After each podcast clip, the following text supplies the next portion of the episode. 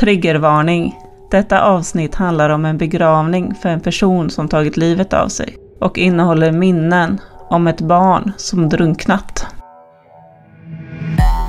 Du lyssnar på Svartviken rollspelspodd. Det här är avsnitt 1 av Kvarnbäckens lek, begravningen.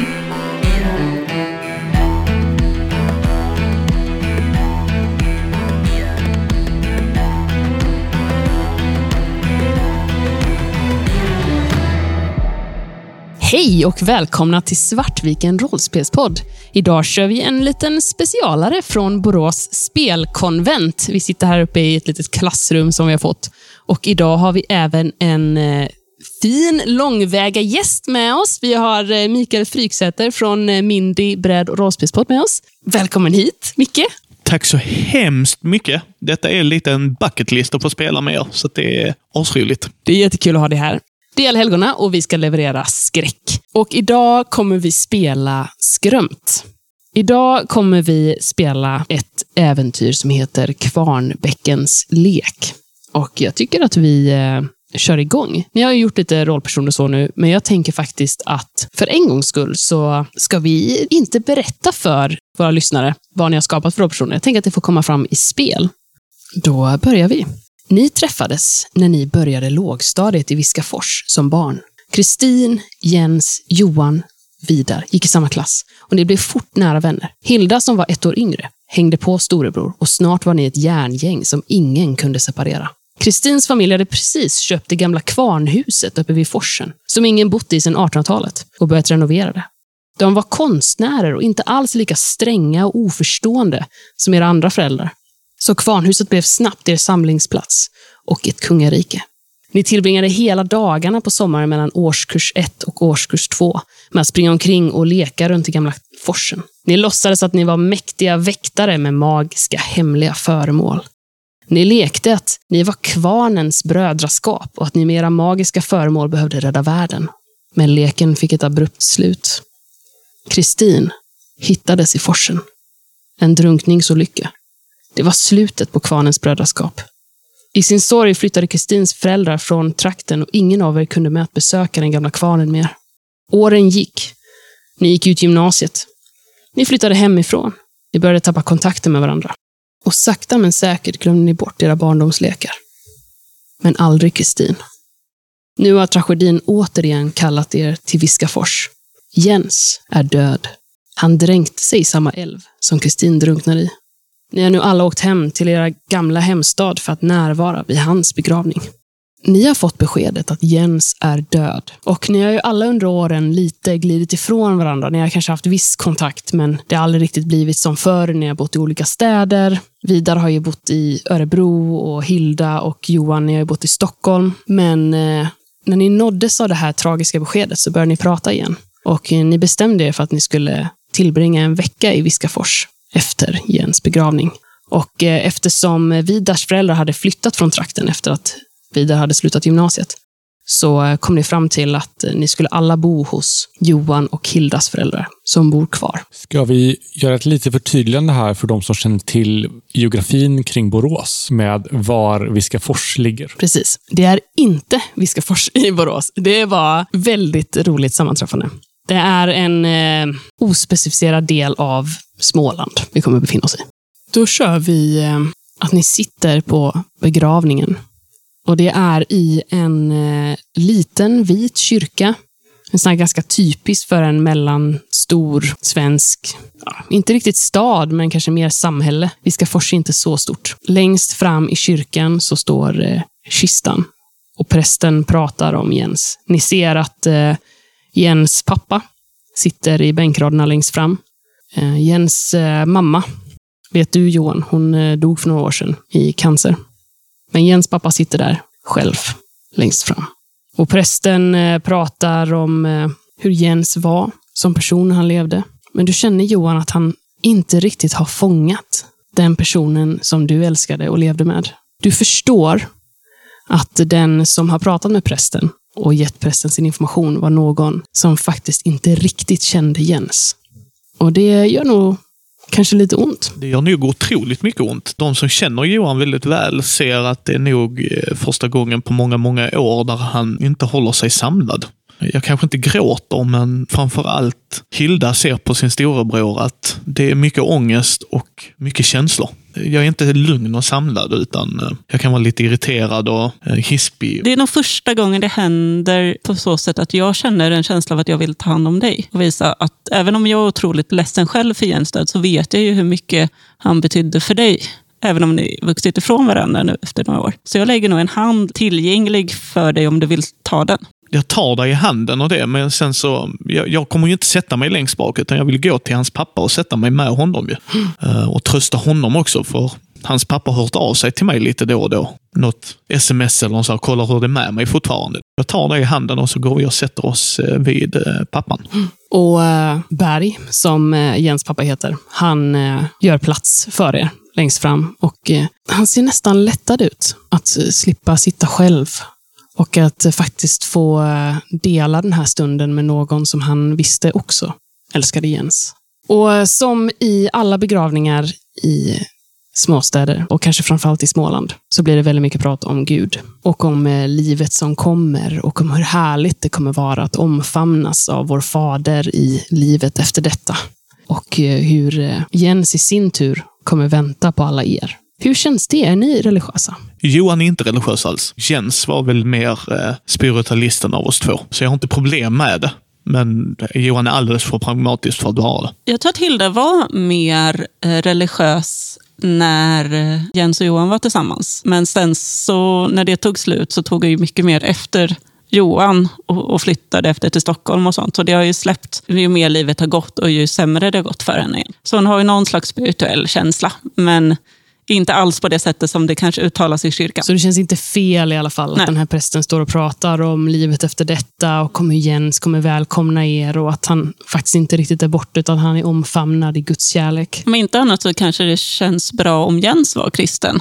Att, ja, det var ju åtminstone det han kände och tänkte. Mm. Var Jens eh, kristen, Johan? Ja, men, men inte på bokstavs troende. Han var väldigt spirituell och, och jag känner inte att han gör fel, som eh, Hilda säger. Det, det, är rätt för rätt person. Hade han inte varit det så hade Johan blivit väldigt förbannad. Mm. Men då tror jag till och med Berg hade sagt ifrån. Så att nej, det känns naturligt. Hur känns det för Vidar? Vidar är ju lärare i religion och historia. Han har ett väldigt kliniskt sätt att se på religion. Men han är ateist och nog närmare antiteist än vad han är troende. Att han ser någon religion som någonting inte en riktigt nödvändigt ont, mer närmare ont. Men han inser också att begravningar är inte till för de döda. Begravningar är till för de efterlevande. Så hans tankar går ju till Berg. Är Berg religiös? Det vet du nog faktiskt inte. Inte så som du har noterat. Men eh, ni var inte kanske så nära. Han var ju din eh, kompis pappa och ni, ni var ju där en del under uppväxten. Men det var ju några år sedan nu. Jag sitter nog så här lite halvt biter mig i kinden och trycker in, in naglarna i, i fingrarna för att känna smärta. För att jag tar ju jag tar ju det här lite som att det är mitt fel. Jag var inte här för Jens. Precis. För det finns ju också eh, en annan aspekt av detta och det är att för 20 år sedan så satt ni i samma kyrka när Kristins lilla kista stod längst fram och prästen pratade om henne. Hur tror du vidare att Kristin är omfamnad av eh, Gud, faders kärlek och att hon väntar på dig? Absolut inte. Hur känns det? Just kring att hon inte är i, i himlen, det känns ingenting. Däremot den här känslan att jag sitter här igen för en vän som jag kanske kunde ha varit där för och räddat. Det är förkrossande. Varför känner du att du hade kunnat rädda Kristin? För att det var mitt fel att hon dog. Vi gick hem tillsammans när vi bara var åtta år och jag hade möjligheten att följa med henne hela vägen hem. Men av någon anledning, jag kanske ville hem och spela tv-spel eller hem och lägga mig eller äta godis eller bara inte orkade så, så skildes vi åt. Istället för att jag följde henne hela vägen hem. Och jag eh, lämnade henne där. Och det var sista gången jag såg henne. Hade jag bara följt med henne hem så hade hon kanske inte varit död. Då hade kanske inte Jens heller varit död. Så i förlängningen, om Jens självmord på något sätt överhuvudtaget baseras eller grundas i Kristins död, så är ju jag helt och hållet ansvarig för Jens död också. Och du avbryts i de här tankarna när eh, orgen börjar spela en psalm. Och det är dags för eh, rad efter rad att gå fram och lägga blommor på Jens grav.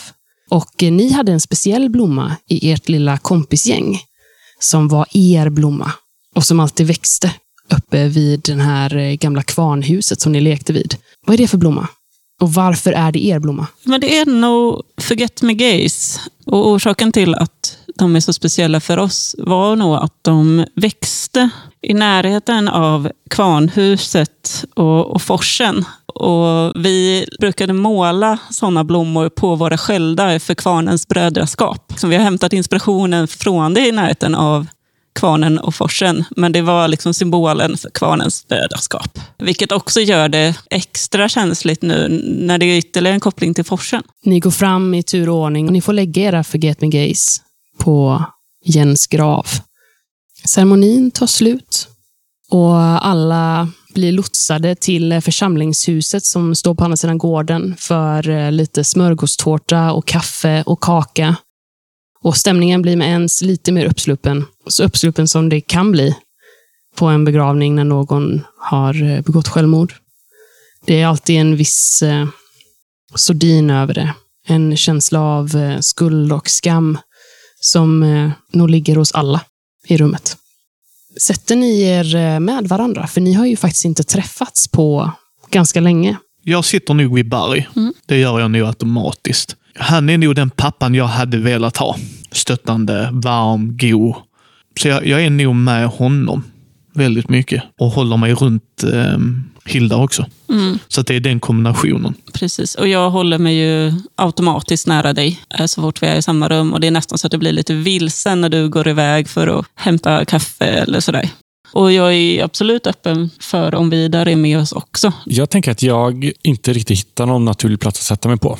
Utan jag går omkring där med mitt lilla fat med smörgåstårta och den här pyttelilla koppen med kaffe. Och tittar mig omkring och ser, finns det någon plats där jag känner att jag är hemma? Där det, det finns folk som inte dömer mig. Och till slut så ser jag det här bordet där Johan och Hilda sitter och Berg och jag tänker att det är nog kanske den, den bästa platsen av alla onda platser här. Och det är helt klart så att när du går genom rummet vidare, att det är folk som tittar på dig som, vem, vem är det här nu igen? Du kisar lite och sen helt plötsligt är det som att förståelsen sköljer över deras ansikten och de vet. Och hela den här tragiska berättelsen med Kristin, du verkligen vet att den återspelas i deras huvuden så fort de ser dig. Du är så starkt förknippad med hennes död. Du ser den här, vid det här laget, väldigt välbekanta vågen av eh, medömkan. Det är den här dubbla känslan av att det känns som att de både tycker synd om dig, men samtidigt också skuldbelägger dig. Jag försöker att möta folks blickar, men det blir för mycket. Så jag, jag möter någon blick, försöker le lite och sen slår jag ner med blicken. Tills jag väl hittar det här bordet då med Johan och Hilda. Och jag är lite försynt går och bara, bara går fram till dem. Ehm, Hej. Jag reser mig upp och kramar om dig. Det finns inget annat i Johans värld. Så att jag ger dig en väldigt varm kram. Jag kramar tillbaka lite, lite slappt så. Jag nickar åt Hilda. Får jag, får jag slå mig ner här? Jag förväntar mig inte att du skulle sitta någon annanstans. Tack. Även eh, Berg tittar upp och du ser ju att han är eh, rödgråten och det är knappt så att han liksom kan hålla samman sig själv. Han tittar på dig och det, det är klart att du ska sitta här, Vidar. Och vid det här bordet så kommer faktiskt även eh, Heidi och Robert och sätter sig. Och det är ju Johan och Hildas föräldrar. Ni har säkert stött på varandra precis innan ceremonin. Så att det blir den här liksom korta, lite korta kramen och Eh, att de kanske rättar till din slips, Johan. Och det här är inte första, första gången ni ses. Eh, men eh, ja, ni har ju inte träffats på ett tag. Och de kommer att slå sig ner bredvid er, så att inte en liten bit bort från berg, utan närmare er än, än berg. Ja, jag funderar faktiskt på det. Jag, jag tror jag var väldigt kylig mot dem. Så när hon vill rätta till min slips som jag vet är tillrättad, så redan där har jag gjort en riktigt tydlig ståndpunkt att idag är inte den dagen du ska vara den överbeskyddande mamman. Så jag, jag är verkligen på tårna med... Jag tror Hilda ser det väldigt tydligt på Johan, att det är minsta lilla grej de säger, så nedlåtande mot Jens, så smäller jag. Och just därför är de kanske verkligen eh, på sin vakt nu. De nästan trippar på tå när de kommer och sätter sig ner. Och jag tror att er pappa säger nog ingenting alls, utan han sitter bara där och stirrar ner i sin kaffe. Han har nog kanske inte ens ett språk för den här typen av eh, förlust och den här typen av känslor. Medan eh, er mamma kanske tittar lite medömkande på, på Berg och klappar på honom. Och, och, och vilken, vilken, vilken fin ceremoni. Verkligen vackert. Och, och prästens ord var det var verkligen fint. Jag tror att Jens hade tyckt om det. Den svider ju för Johan, för att han vet ju att nej, så var inte Jens. Men samtidigt så vet han att det inte är rätt läge. Du ser nästan hur han biter sig i tungan och sen så stoppar han sig. När Jens blir väldigt eh, så avvärjande så kommer vår mamma att vara väldigt överbeskyddande mot mig istället och ta ut det mot mig. Att så här, putsa bort lite smuts från kinden. Och, och kanske ge dig komplimanger som att, eh, åh, vilken, vil, vad, vad fint du har färgat ditt hår. Precis. Det, det är nytt. Och försöker göra någon form av eh, konstigt småprat där hon bara mm. pratar om strunt för att fylla tystnaden kanske. Precis, som bara blir fel eftersom jag samtidigt också känner att det hon pratar om är saker som kanske inte riktigt stämmer utan mer är hennes förväntningar om hur jag är.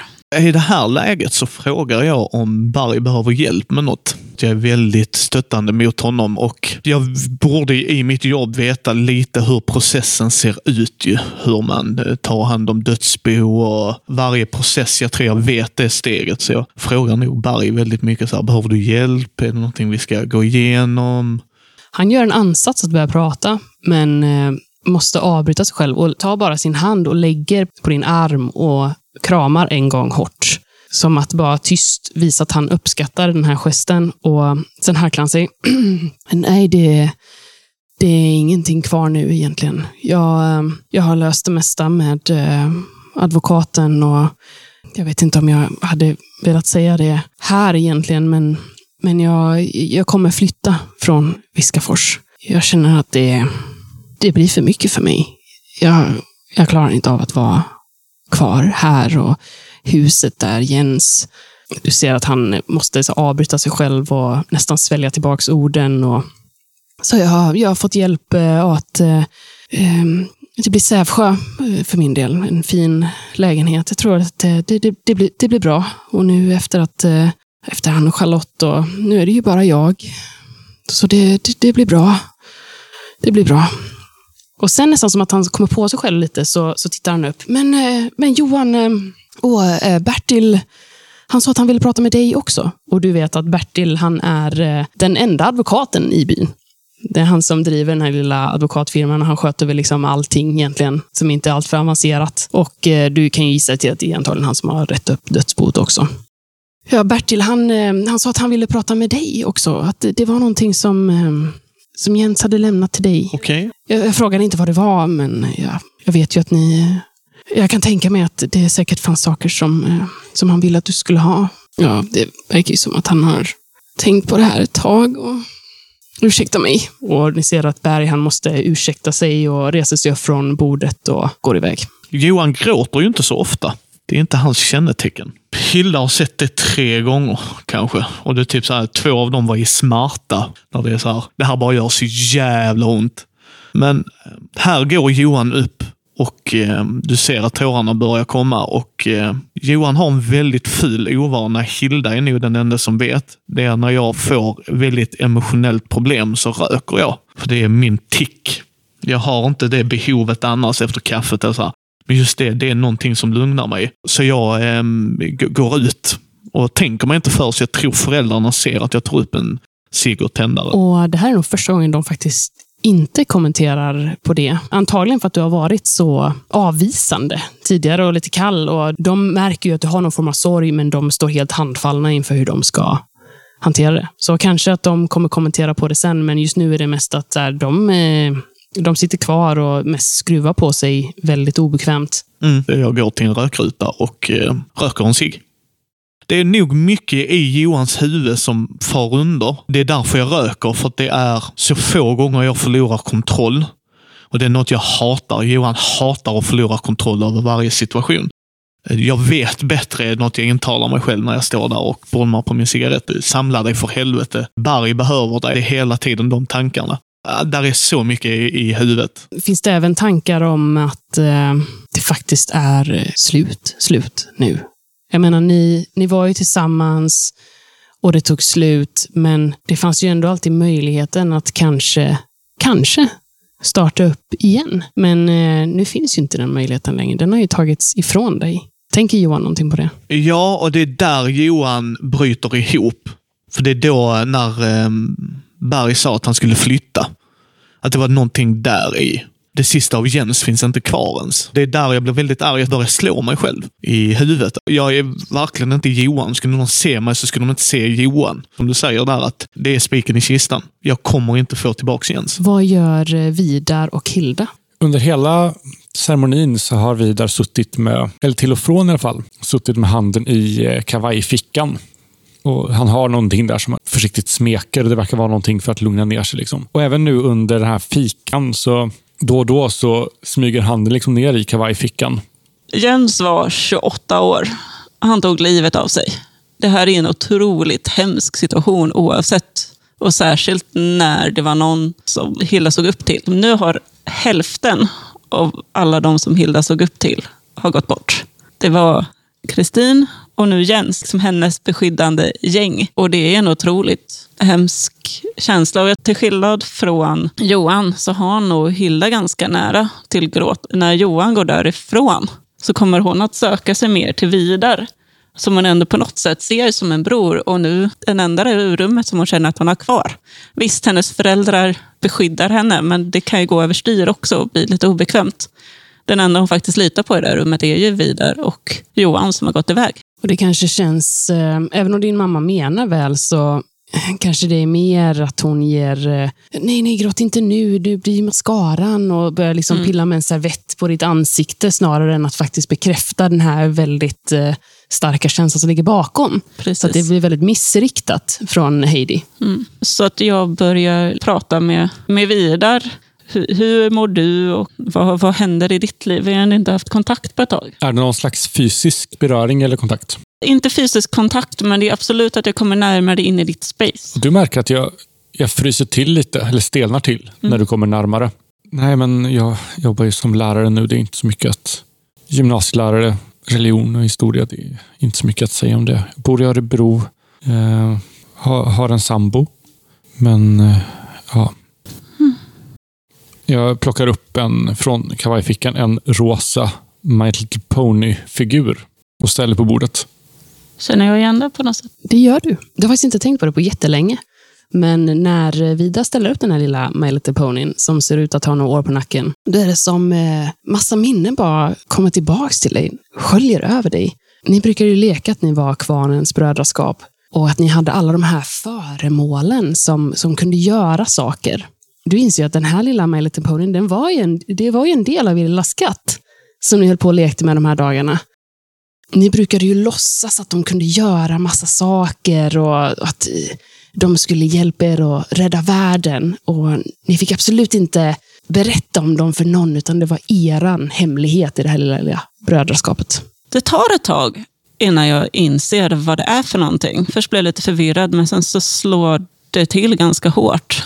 Och Det kanske är så att jag inte riktigt velat tänka på Kristin förrän nu. Men jag sträcker mig efter den, nästan av vana, så gör jag en sån här liten volt med den. Det var ett sätt som jag brukade leka med den, att den kunde hoppa väldigt högt. Och när dina fingrar eh, sluter sig kring den så är det som att massa känslor bara fyller dig. Du eh, känner en väldigt akut saknad, en undran om när din person ska komma. Att din person nog kommer snart. Och sen eh, känner du en, eh, ett starkt behov av mat från flera olika ställen runt omkring dig. Som att det är nästan tusen behov som bara forsar in i din kropp. Av mat och av, av närhet och av mat, av närhet. Men när du släpper den igen, så den landar på bordet, så är det som att du återvänder till dig själv. Jag rätt snabbt så plockar tillbaka den från dig. Förlåt, den är, den är viktig för mig. Jag tittar på dig med, med chock. Det är nästan så att mina ben börjar vika. Jag förstår inte alls vad som händer. Jag tror att den här känslan av mat och närhetsbehovet drivs sig kvar lite. Och, och, nu när Johan inte är här så är det nog faktiskt så att jag sträcker mig efter Vidar och ger honom en kram. Jag stelnar till. Och sen ursäktar jag mig. Förlåt. Jag tar den här leksakshästen och bara ställer mig upp och går därifrån. Och du har ju fortfarande din lilla hund i bilen, Vidar. Han har ju suttit där och dödat ner eh, vindrutorna, för det här är eh, under sommaren, så det är varmt ute. Så du kanske till och med har öppnat upp bakluckan, så sitter din lilla hund i den här hundburen och väntar på dig. Du kanske ställt fram lite vatten. Vad heter hunden? Det är ju en mops som heter Ringo. Och nu tänker jag att vi hoppar lite till eh, Johan. Mm. För när du står där, tar det, håller det här på länge eller hinner du samla dig? Eller vad? Jag röker tre cigg. Vilket är faktiskt väldigt ovanligt även i de här situationerna. För det brukar räcka med en cigg. Jag samlar mig när, om du går ut till hunden. Att det är ungefär då jag, jag har varit i väldigt hukande position. Verkligen nästan i fosterställning kan man ju säga, sittandes. Så jag reagerar på eh, att jag precis reser mig upp. För jag, jag är ju väldigt välklädd. Jag tar väldigt stolthet i att vara väldigt fint propert klädd och köra fin bil. Det är ju status. Inte i att jag vill glänsa, utan det är ett sätt för mig att visa att jag har lyckats. Eh, så jag borstar ju av mig. Jag är väldigt noga med det. För jag tänker mig att det är en sån eh, klassisk kyrka med grus runt sig. Så att jag borstar ju av mig och det är ungefär då du kommer ut. Och samtidigt så ser du att även eh, Bertil kommer ut. Det här är ju en liten stad och alla känner alla, så att eh, i princip halva staden har varit på begravningen. Alla hade ju någon form av relation till Jens, att man arbetade med Berg eller att man hade gått gymnasiet med honom eller att ens barn hade gått gymnasiet med honom och alla har liksom slutit upp. Så det är ganska många på den här eh, ceremonin och lilla minnestjänsten efteråt i församlingshemmet. Och när Bertil ser dig Johan, så ser du att han styr eh, stegen mot dig och jag, jag beklagar sorgen, Johan. Jag vet att du och Jens var, var nära. Ja, det kan man minst säga.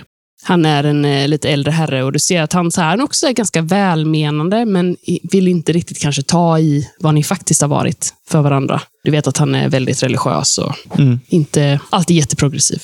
Men han verkar ändå mena väl på något sätt. Du, eh, hur länge är ni kvar här i, eh, i Viskafors? Äh, någon vecka. Stannar ni hos eh, Heidi och Robert då, antar jag? Eller? Ja, det gör vi. Precis, precis. Ja.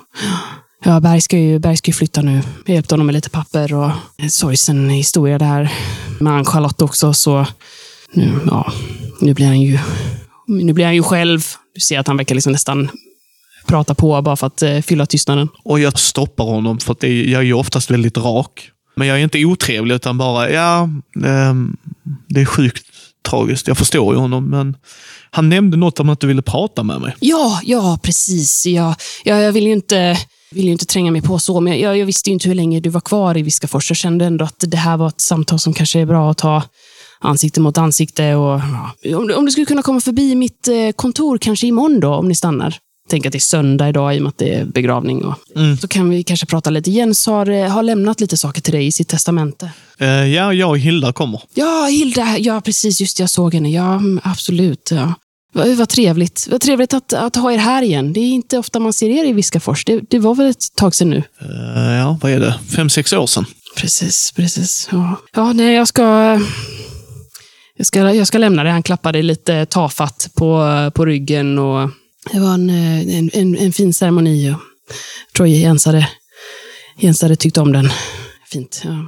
Ja, jag, beklagar sorgen. Vi, vi, vi hörs imorgon. Ja, det är väl samma plats som alltid. Precis, precis. Jag tror faktiskt Johan går till, till sin polare. Går fram och klappar din hund och gosar med den. Är den gosig hunden? Alltså, är den, gillar den att bli klappad? Och... Ja, den är supersocial. Jag skrattar åt det. Att det är så tvärtom vad husse är. Att det blir lite så här att ironin eh, undgår inte Johan alls. Det är det vänskapliga leendet när man, det- här är egentligen så dig, men ändå inte. Och Ringo är ju så glad. när Han liksom springer runt och skäller och husse tillbaka, husse tillbaka. Ja, min människa är här. Och han är verkligen jätte, jätteglad. Jag står med armarna i kors, lutad mot bilen och tittar in tillbaka mot kyrkan. Vad tror du Johan? Hade vi kunnat...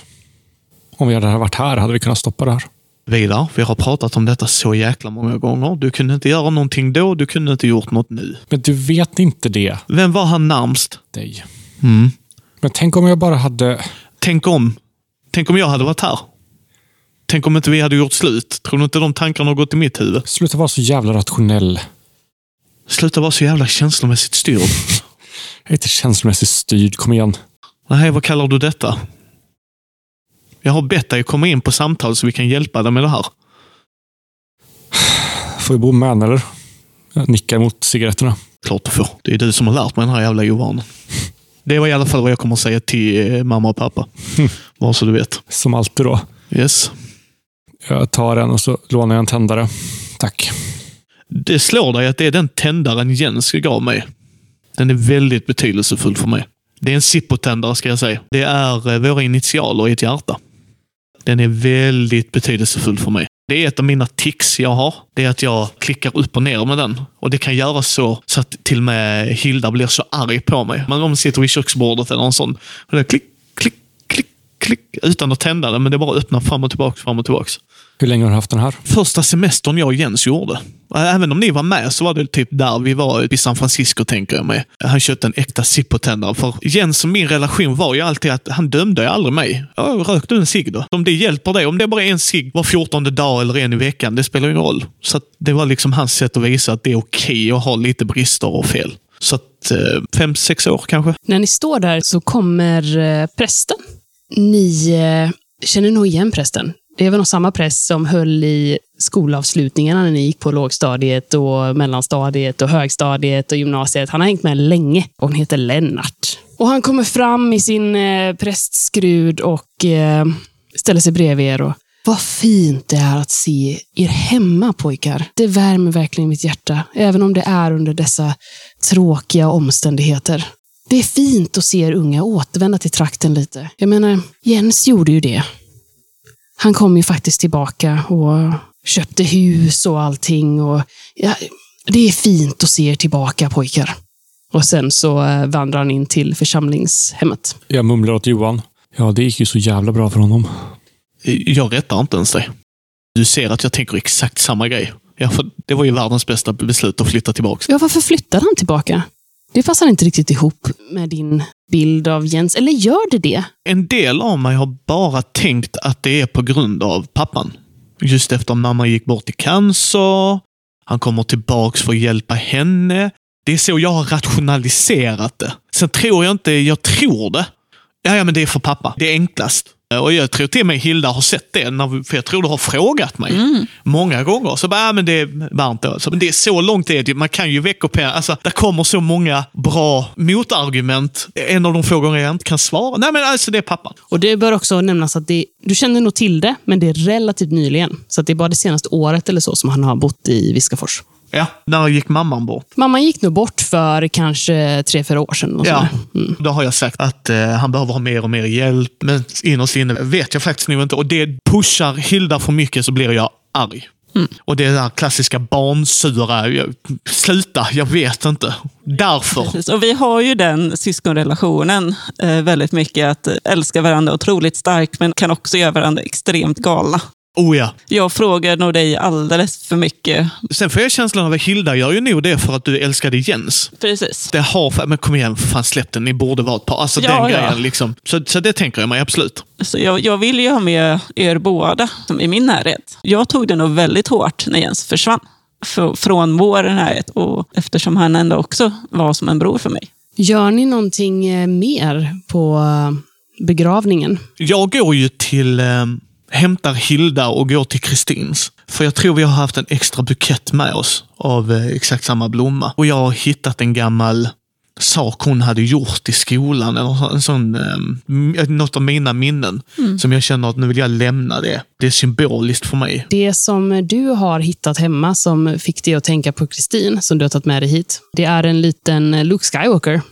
Som ni lekte med när ni lekte kvarnens brödraskap. Det var ett av de här föremålen som ni skulle hålla hemliga och beskydda och ni låtsades att de hade magiska förmågor. Det är den nu som du hittade hemma i din någon gammal flyttlåda som du fått med dig till Stockholm och som du nu tagit med till Kristins grav. Mm. Och Jag har ju suttit och varit extremt vilsen när både Vidar och Johan försvunnit. Jag har ingen aning om hur jag ska göra med min sorg när det inte finns någon som beskyddar mig. Mm. Så jag har ju mest suttit tyst och blivit väldigt tacksam när Johan äntligen kommer.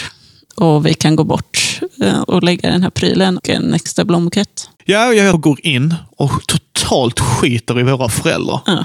Tror de ser det så jävla tydligt.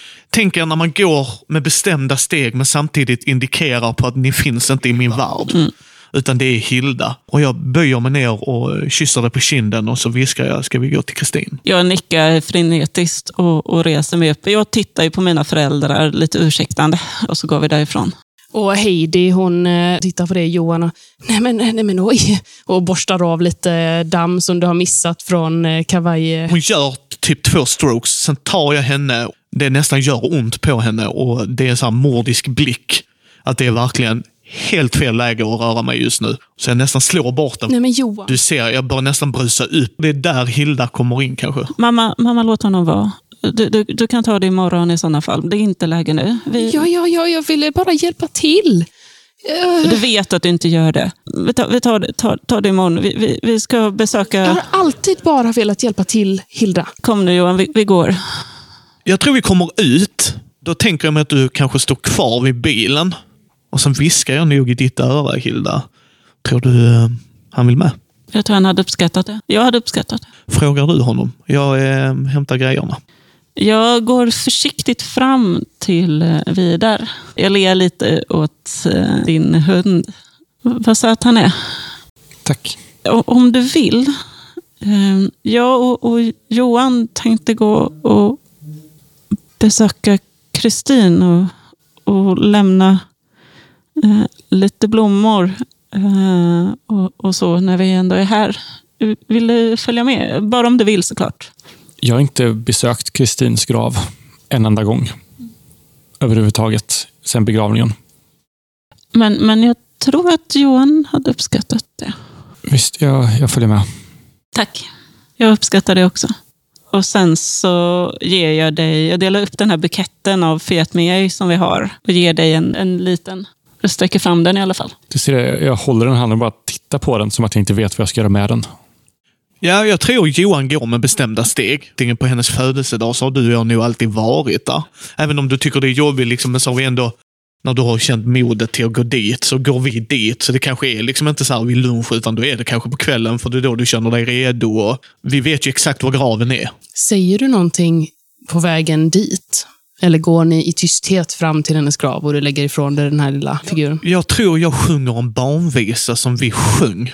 Och jag gör det undermedvetet. Vad handlar den här barnvisan om? Jag tänker Aladdin av någon jävla anledning, men en helt ny värld. Och det var det vi lekte ju. En helt ny värld där uppe vid, vid eh, väderkvarnen. Där vi var. Och Johan sjunger inte bra. Jens kunde det bättre. Jag kan ju inte hålla tonerna för mitt, om mitt liv hängde på det, men high notesen är inte min grej. När du går där och du nynnar på den här sången så hör du helt plötsligt hur både Hilda och Vidar helt plötsligt bakom dig säger ja. Och Vidar och Hilda, ni inser att ni har svarat Johan utan att riktigt förstå varför. Ni vet inte varför ni svarade ja. Du har lyssnat på Svartviken rollspelspodd. Spelet Skrämt ges ut av Bläckfisk förlag och musiken är gjord av Alexander Bergil.